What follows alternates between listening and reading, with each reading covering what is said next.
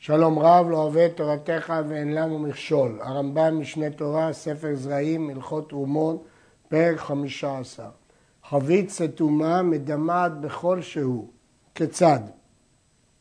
חבית סתומה של תאומה, שנתערבה בכמה אלפים חביות סתומות, נדמה הכל. נפתחו החביות, תעלה באחד ומאה.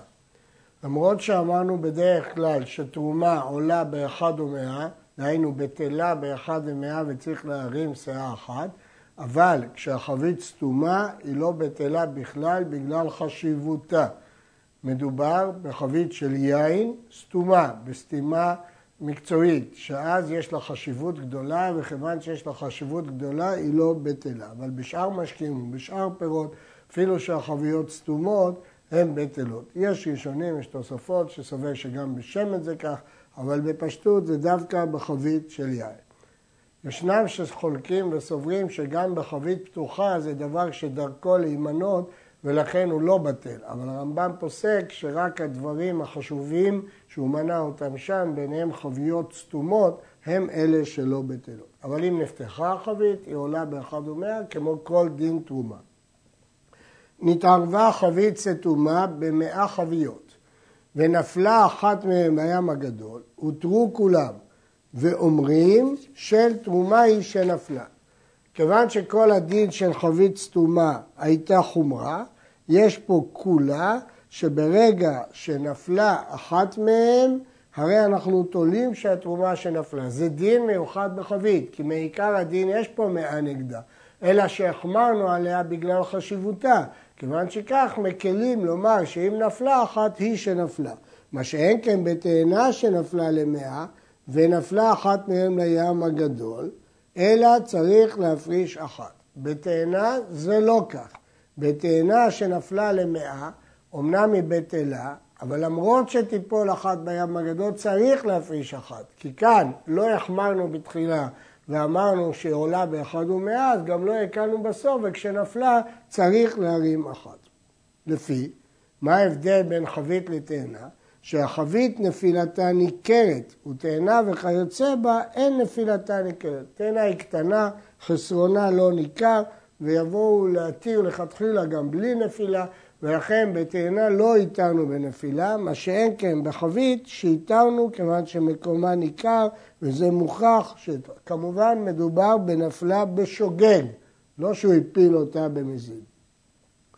חבית סתומה שנתערבה במאה חביות ונפתחה אחת מהן, נוטל ממנה אחד ממאה ושותה אותה החבית, אבל שאר החביות אסורות עד שיתפתחו. וכל אחת ואחת שתיפתח מהם נוטל ממנה כדי דימועה ושותה את השאר. חבית שנפתחה אחת מהם כבר בטלה חשיבותה, שחבית פתוחה לפי הרמב"ם אין לה חשיבות, כיוון שהיא נפתחה אז חוזר הדין הדימו הרגיל שהיין בטל באחד ממאה ואז הוא נוטל אחד ממאה כדי להתיר את החבית הזאת. אבל שאר החביות אסורות ולא נאמר שזה כאילו שחבית שנפלה על הים הגדול. כי שם, כיוון שהיא נפלה, איתרנו את כולם. אבל כאן רק החבית שנפתחה איתרנו. אבל שאר אלה שלא נפתחו, לא איתרנו. נתערבה חבית ב-150 חביות ונתפתחו מהם 100 חביות, נוטל מהם כדי דימוען חבית אחת ושותה המאה, ושאר החמישים אסורות. ואין מחזיקין לאותה חבית שתאומה שהיא ברוב. אפילו היו כמה אלפים חביות, כולם מדומה. וכל מה שייפתח נוטל ממנו אחד מאה ושותה השיריים והשאר מדומה. אפילו שהחבית התערבה ב-150 חביות, ומאה נפתחו, ולכן המאה האלה התבטלו באחד ומאה. אבל החמישים שלו נפתחו לא התבטלו, ואני לא תולה לומר שמן הסתם החבית של תרומה מונחת במאה שנפתחו. אלא בגלל חשיבותה היא אוסרת את כל החביות שלא נפתחו. ואילו החביות שנפתחו מותרות כרגיל באחד ומאה וצריך להרים. כבר ביארנו בהלכות איסורי מאכלות, שהמחמץ, המטבל, אוסר בכל שהוא. לפיכך, אם ריסק תפוח של תרומה ונתנו לתוך עיסה והחמיצה, כל העיסה מדומת ואסורה לזרים. יש לנו כלל של דבר חשוב, דבר שהוא נותן טעם. איך? הוא מחמץ את ההיתר, הוא אוסר במשהו, אפילו מין בשאינו מינו. כיוון שהוא גרם להחמיץ את העיסה, רואים את זה כאילו ממשו קיים ולא בטל. ולמרות שכל עיסה עתידה להתחמץ, אבל פה הוא חימץ אותה, מוקדם יותר. כיוון שהוא חימץ, יש לו שם מעמיד, דבר חשוב, ולכן הוא אוסר בכל שהוא. וכן, מטבל, אם הוא התבלין שמעמיד, הוא נותן את התבלין, נותנים לו דין של חשיבות, וכיוון שהוא ערב את התבלינים, אנחנו אוסרים בכל שהוא.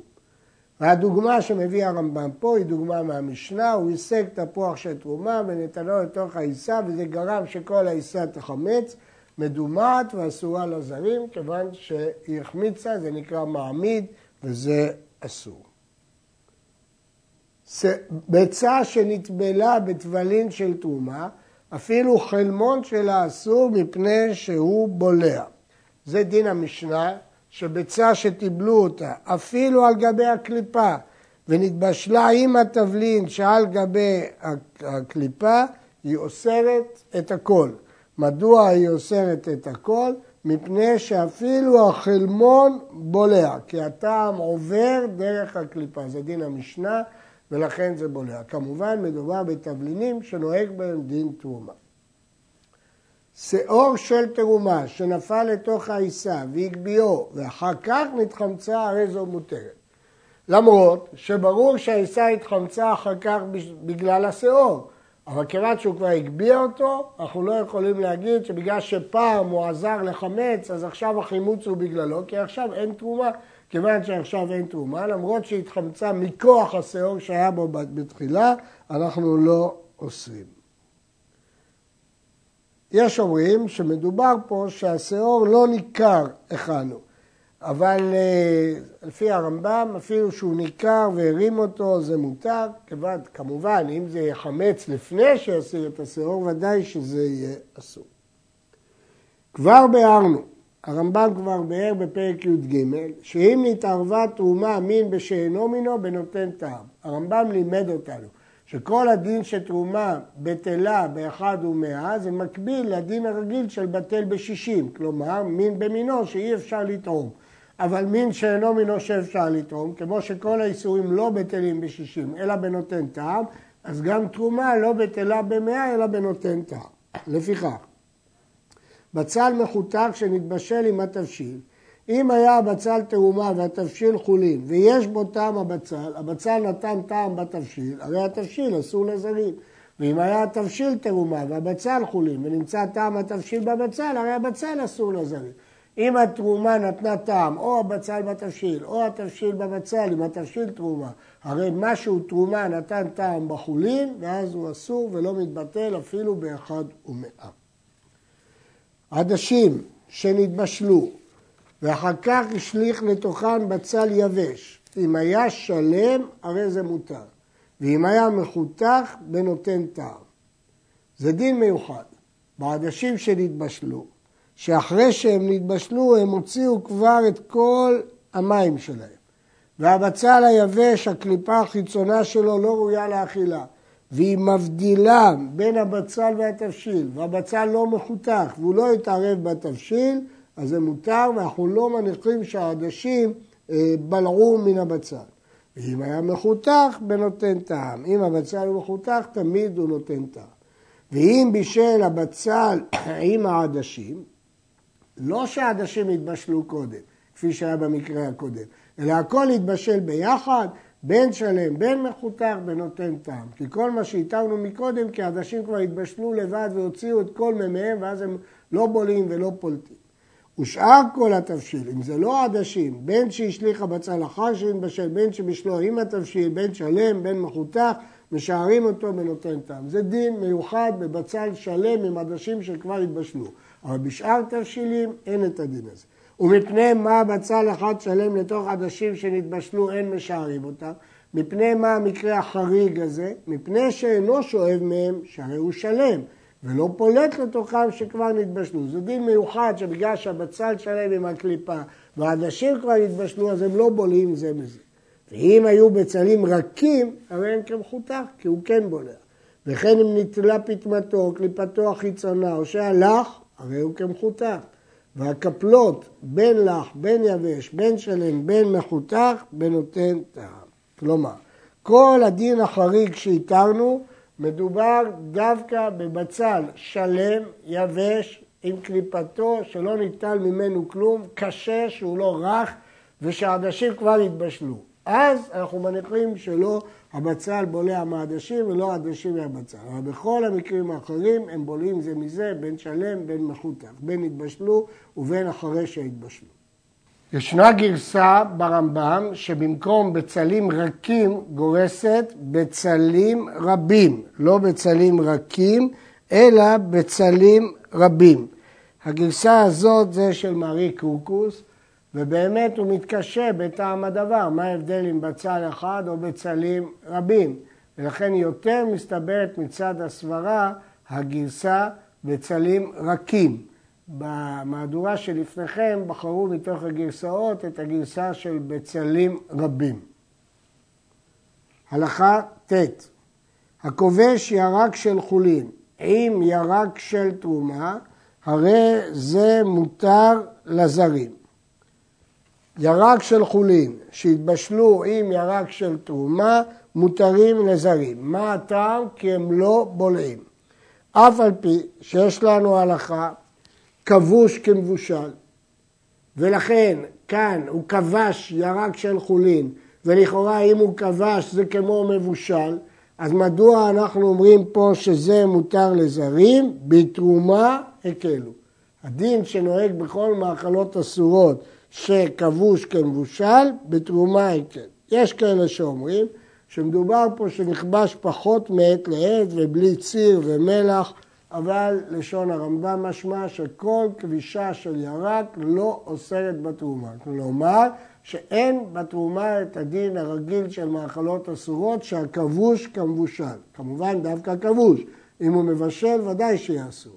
חוץ ממיני בצלים וחציר ושומים שהם נותנים טעם חריף, שאם כבש ירק של חולין עם בצלים של תרומה או בצלים חולין עם בצלים של תרומה, הרי אלו אסורים. פה לא הקלו בכבישה כי יש להם טעם חריף. כבש ירק של תרומה עם בצל של חולין, הרי הבצל מותר לזרים, מכיוון שהירק הוא אה, של, חולי, אה, של תרומה, ולכן הוא לא נותן טעם חריף. כאשר יש לי בצלים של תרומה, אז הם נותנים טעם חריף. אבל כשהירק הוא של תרומה, הטעם שלו הוא לא חריף. אז למרות שהבצל הוא של חולין, אבל הוא לא בולע, כי הירק של תרומה לא פלט לתוכו, אני מזכיר שוב, זה כולה מיוחדת בהלכות תרומה. זיתי חולין, שכבשן עם זיתי תרומה, במים ומלח, אם היו אלו ואלו פצועים, או שהיו של חולין פצועים ושל תרומה שלמים, או שכבשן באמת תרומה, הרי אלו אסורים מפני שזיתי החולין שואבים מזיתי התרומה. אבל אם היו שניהם שלמים, או שהיו זיתי תרומה פצועים וזיתי החולים שלמים. הרי אלו מותרים לפי שהפצועים שואבות מן השלמים. הכלל הוא שהזיתים הפצועים שואבים מהשלמים, אבל השלמים לא שואבים מהפצועים. ולכן, אם זיתי התרומה הם הפצועים וזיתי החולין שלמים, הם לא יכולים לשאוב מזיתי התרומה, כיוון שהפצועים שואבות מן השלמים. אבל פה הזיתים של החולין הם שלמים. לעומת זאת, אם הזיתים של החולים פצועים, אז הם כן שואבים משל התרומה, בין אם היו של התרומה פצועים ואפילו של התרומה היו שלמים, כי פצועים שואבים מהשלמים, אבל להפך לא. מי כבשים ומי שלקות של תרומה, הרי הן אסורים לזרים. כלומר, אם יש לנו אה, תרומה ששלקו אותה או כבשו אותה במים, המים בלעו, קיבלו את טעם הירקות שנשלקו בהם, ואסורים מפני שיש בהם טעם תרומה. יש פה קושי מסוים, שאמרנו קודם שהכובש ירק של חולין עם ירק של תרומה, הרי זה מותר לזרים. אז אם התרנו בירקות של חולין שכבשו עם ירקות של תרומה, אז למה פה אנחנו אוסרים במי כבשים של תרומה? כי אם כבשו את התרומה במים, יותר נתנו טעם במים מאשר כבשו יחד ירק של חולין וירק של תרומה. וזה קצת קשה להבין את הטעם. השבט, השבט זה סוג של ירק של תבלין, עד שלא נתנה טעם בקדרה, יש בה משום תרומה. משנתנה טעם בקדרה, אין בה משום תרומה. זו משנה בסוף הש"ס, בסוף מסכת עוקצין. השבט זה תבלין כזה, שכששמים אותו בגדרה הוא מוציא את כל הטעם שלו. ולכן, כל עוד הוא לא נתן טעם בגדרה, יש בה משום תרומה. אבל אחר שהיא נתנה את כל הטעם בגדרה, בטל ממנה שם תרומה, וכבר אין בה טעם בכלל. הרודה פת חמה ונתנה על פי חבית של יין של תרומה, אם הייתה פת חיטים, הרי זו מותרת. ופת של שעורים אסורה, מפני שהשעורים שואבות. ובכן, יש לנו דין דווקא בפת חמה, ודווקא על פי חבית יין של תרומה. בפת חמה, חיטין לא שואבות, אפילו שהיא חמה ואפילו שהחבית פתוחה. אבל פת של שעורים אסורה מפני שהשעורים שואבות, מדובר בחבית פתוחה. כיוון שהחבית פתוחה, השעורים שואבות והחיטים לא שואבות. ויש לשאול, הרי אם החבית פתוחה, הרי פת חיטים יש ריח שהיא קלטה מהתרומה. הרמב"ם פוסק שבתרומה ריח לאו מילתאי. זאת שיטת הרמב"ם, ולכן אפילו שהחבית פתוחה ושם פת חיטים, היא לא שואבת. יש אומרים שאם החבית שיין הייתה רותחת, פה זה אסור כי פה זה ממשות, זה לא רק ריח, זה ממשות. יש שחולקים על הדין הזה, הרבה ראשונים סוברים שריח המילתאי, ולכן אם הפת חמה והחבית פתוחה, אסור גם בשל חיטים, בגלל הריח. ובשל שעורים אסור אפילו הפת צוננת והחבית פתוחה, או שהפת חמה והחבית סגורה, היא מונחת על המגופה והחבית מלאה יין עד המגופה. כל זה תלוי במחלוקת אם ריח המילתא או ריח הלאו מילתא. ושיטת הרמב"ם, שכפי שאמרנו, שריח הלאו מילתא. תנור שהסיקו בחמון של תרומה ואפה בו את הפת, הפת מותרת, שאין בה טעם הכמון אל הריחו והריח אינו אוסר. אם כן, כאן הרמב"ם כותב את שיטתו בפירוש, שריח לאו מילתאי, כיוון שריח לאו מילתאי, אז למרות שהסיקו בכמון של תרומה, והכמון נוהג בתרומה, כי הוא ראוי לאכילה, עפה בו את הפת, הפת מותרת, כי רק הריח של הכמון נכנס. ולא שייך פה שבח עצים בפת, כיוון ששבח עצים בפת אומרים רק באיסורי הנאה, ותרומה היא לא אסורה בהנאה, ולכן אין בה דין כזה של שבח עצים בפת. שעורים של תרומה שנפלו לבור של מים, אף על פי שהבאישו מימיו מכוח השעורים, הרי זה מותרים, הרי הן מותרים, שאין נותן טעם לפגם אוסר. למרות שהמים ספגו את הטעם של השעורים, אבל השעורים קלקלו את המים, לא שיבחו את המים. זה נקרא טעם לפגם, טעם לפגם לא אוסר, כפי שלמדנו בהלכות מאכלות אסורות. טילטן של תרומה, הוא ועצו שנפל לתוך בור של יין, ואז היין בלע מהטילטן של תרומה. אם יש בזרע הטילטן כדי ליתן לבדו טעם ביין, הרי היין אסור בזרים. אבל אם אין בזרע בלבד, אלא היין קיבל טעם מהזרע ומהעץ, העץ הוא פסולת, הוא לא חייב בתרומה, רק הזרע של הטילטן חייב בתרומה. לכן אין כוח בעץ לאסור את הטעם של היין. ולכן למרות שעכשיו ביין יש טעם של הטילטן, אבל אם הטעם הזה לא בא מהזרע, אלא מהזרע והעץ ביחד, כלומר, אם אני מעריך שמהזרע בלבד הוא לא היה משנה את טעם היין, הרי זה מותר, כי העץ של הטילטן לא חייב בתרומה, בוודאי לא מהתורה, ואין בו מדין נותן טעם. שני כוסות של יין, אחת תרומה ואחת חולין. מזג כל אחד מהם במים, ואחר כך ערבם, רואים את ין החולין כאילו אינו, וכאילו ין התרומה נתערב במים, שהרי אינו מינו. מים ויין לא נחשבים אותו מין, כיוון שהמים הם אה, בטלים אחרת מן היין. יש לנו כלל שכל שיש להם שיעורים שונים הם לא בטלים. היין והמים יש להם שיעורים שונים. זה מין בשאינו מינו. ולכן, ין התרומה יתערב במים שהרי אינו מינו, אם ראוי אותו המים לבטל טעם יין התרומה, הרי הכל מותר לזרים, ואם לאו אסור שכבר ביארנו שאין המים מעלה את היין. כיוון שמים ויין זה מין בשאינו מינו, כבר אמרנו שמין בשאינו מינו לא מתבטל באחד במאה, אלא בנותן טעם. אז אנחנו צריכים לראות האם היין של התרומה בטל במים או לא בטל במים. במה? לא בכמות, אלא בטעם, כי זה יין ומים זה מין ושאינו מינו. אז אם המים ביטלו את טעם התרומה, מותר, אבל לא ביטלו אסור. אבל אני לא מתחשב ביין של חולין, כי הוא לא רלוונטי לעניין שלנו. אני מתעלם ממנו בכלל. אני לוקח את היין של התרומה, מתייחס אליו ביחס למים, למין בשאינו מינו בנותן טעם. אבל את מינו אני בכלל לא מתייחס אליו, כיוון שהוא לא רלוונטי להתיר לנו את הטעם של המים. וגם הוא לא רלוונטי לאסור, כיוון שהוא לא חלק, מה שאנחנו בודקים זה רק את היין של התרומה מול המים של חולין. היין של החולין, שהוא מין במינו, לא עוזר לנו ולא מפריע לנו. יין של תרומה שנפל על גבי פירות, ידיכם והן מותרות. יכול להדיח וזה יהיה מותר. וכן שמן שנפל על גבי פירות, ידיכם והן מותרות.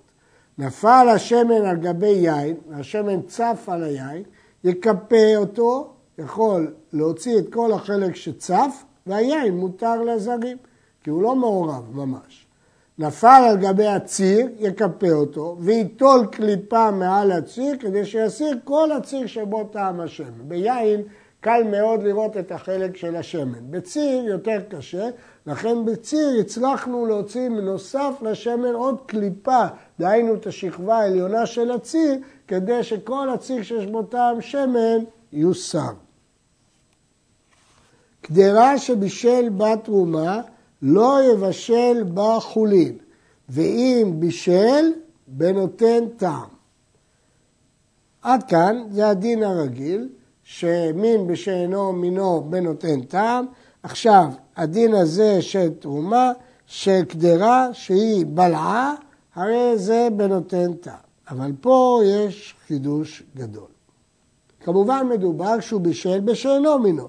אם הוא בשל במינו, אז לפי רוב הדעות צריך אחד ומאה. אם הוא בשל בשאינו מינו, צריך נותן טעם. אם במינו, אחד במאה, כמו כל הדין שאמרנו עוד. עד כאן זה דין הרגיל. עכשיו בא חידוש גדול. ואם שטף הגדרה במים או ביין, הרי זה מותר לבשל בה. פה יש חידוש גדול בהלכות תרומה, שלמרות שהוא לא הגעיל את הכלי, כמו שבכל מאכלות אסורות, דבר שבלה איסור צריך הגעלה, הרמב"ם כותב שזה כולה מיוחדת בתרומה, שאם הדיח את מה שבהן באמצעות מים או יין, לא צריך הגעלה. ואם כן אפילו בכלי חרס יהיה מותר.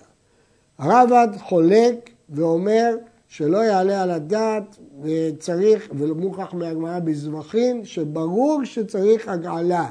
חוץ משטיפה בצונן שבא להעביר את מה שבהן, צריך הגעלה בחמין, ולפי זה קדרה של חרס, אין לו תקנה. וכן באמת הרבה ראשונים, הראש והרשב"א והרטב"א והר"ן, כולם סוברים כדעת הרעב"ד, וכן פסק, וכן פסק הפרי חדש, שגם בתרומה צריכים עגלה. אבל דעת הרמב"ם לא כך, יאוין יורה דעה קכ"ב, דעת הרמב"ם שבתרומה אין צורך בהגעלה, זה קולה של תרומה.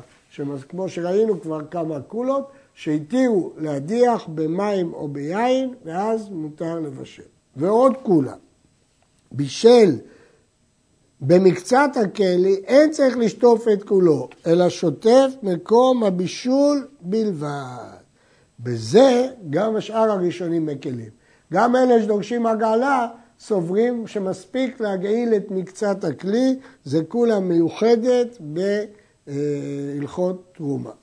איך מסבירים את הגמרא בזבחים על פי דעת הרמב"ם, דנו בכך הראשונים פה. תרומה גדולה ותרומת מעשר והחלה והביקורים, כולם נקראו תרומה. בכולם יש פסוקים מפורשים שהם נקראים תרומה. בתרומת מעשר הוא אומר, והרמותם ממנו תרומת השם, ואחר כך כתוב מעשר מן המעשר.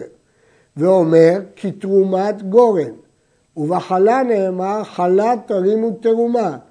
ונאמר, לא תוכל לאכול בשעריך מעשר דגנך ותירושך ויצריך, והפסוק ממשיך ומונה עד שהוא אומר, ותרומת ידיך. ואין לך דבר שטעון הבאת מקום שלא פירטו בפסוק זה. אז על מה התורה מתכוונת כשהיא אומרת תרומת ידיך? חוץ מן הביקורים. יש שם רשימה של כל הדברים שמביאים. לא תוכל לאכול בשעריך. אז מה זה תרומת ידיך? ביקורים, ובהן נאמר תרומת ידיך. הלמדת שאין קרויים תרומה. כלומר הרמב"ם מביא הוכחה שתרומה גדולה ותרומת מעשר וחלב וביקורים כולם בתורה נקראים תרומה. לפיכך, דין ארבעתן לעניין אכילה ודימוע אחד הוא. כולם עולים באחד ומאה ומצטרפים זה עם זה, ואם נטמעו יישרפו. כל הדינים שאמרנו עד עכשיו עולים באחד ומאה, ואם נטמעו נשרפו, זה בכל ארבעת האלה שנקראו תרומה, והם גם מצטרפים זה עם זה. כי כולם יש להם שם תרומה. ודין תרומת מעשר של דמאי בכל אלו הדרכים, כתרומת מעשר של ודאי, אלא שאין לוקין על אכילתה. בעצם דמאי זה אסור רק מדי רבנן, אבל החשיבו את זה כדבר תורה. ולכן למרות שזה דמאי, היא לא בטלה בפחות מאחד ומאה וצריך להרים והאוכלה חייב קרן וחומש, כל זה שלא יזלזלו בדמאי, לכן מדרבנן נתנו לדין תרומת מעשר של דמאי, דין של תרומת מעשר של ודאי. אבל לא לוקים על אכילתה. כמובן דווקא תרומת מעשר, כי תרומת גדולה לא נחשדו המארץ, הם מפרישים, אלא מעשר הם לא מפרישים, וממילא גם תרומת מעשר, אבל תרומת גדולה לא נחשדו המארץ. אבל כיוון שהם נחשדו על המעשר, הם נחשדו על תרומת מעשר, למרות שזה דין דה רבנן, נתנו לזה דין דומה לדאורייתא לכל העניינים, אלא שהם לוקים על אכילתה, כמובן, כיוון שזה דה רבנן, לא לוקים על זה. כל האוכל תרומה מברך ברכת אותו מאכל. ואחר כך מברך, אשר קידישנו בקדושתו של אהרון וציוונו לאכול תרומה. אם זה פרי העץ, מברך בורא פרי העץ, ואחר כך מברך את הברכה המיוחדת הזאת. וכך קיבלנו, וראינו מברכים. הרמב"ם מעיד שהוא ראה שהכוהנים מברכים. ואפילו בחלת חוץ לארץ, שגם אכילת קודשי הגבול כעבודה, שנאמר עבודת מתנה אתן את כהונתכם. גם זה עבודה. גם המתנות שהכהנים מקבלים זה עבודה. ואפילו חלת חוץ לארץ, שהיא מדי רבנן, גם על מצווה דה רבנן מברכים. ולכן גם על זה יכולים לברך. אז כמו שאכילת קודשים במקדש מצווה, כי כתוב ואכלו אותם אשר כופר בהם, כך אכילת קודשי הגבול, דהיינו מתנות כהונה שלא צריכים לאכול במקדש, אלא יכולים לאכול בכל המקום, גם הם נקראים עבודה, שנאמר עבודת מתנה אתן את תרומתכם, דהיינו כל מתנה שמקבלים מהכהן, מחשיבים את זה כהן עבודה בבית המקדש. ויש דעה שלכן הצריכו נטילת ידיים לכל מי שאוכל תרומה, כמו שכהנים עובדים עבודה, נוטלים את ידיהם. כך יש דעה. בספר דרך אמונה, לרב קניאבסקי, שנעזרנו בו בהלכות תרומות, מסיים, והשם יתברך לזכנו לראות עבודת בית המקדש במהרה בימינו, אמן, ולראות כהנים אוכלים בתרומות ובקודשי מקדש, כפי שהיה מקדם, כנאמר, חדש ימינו כקדם. עד כאן הלכות תרומות, בריך רחמנא דסיאן.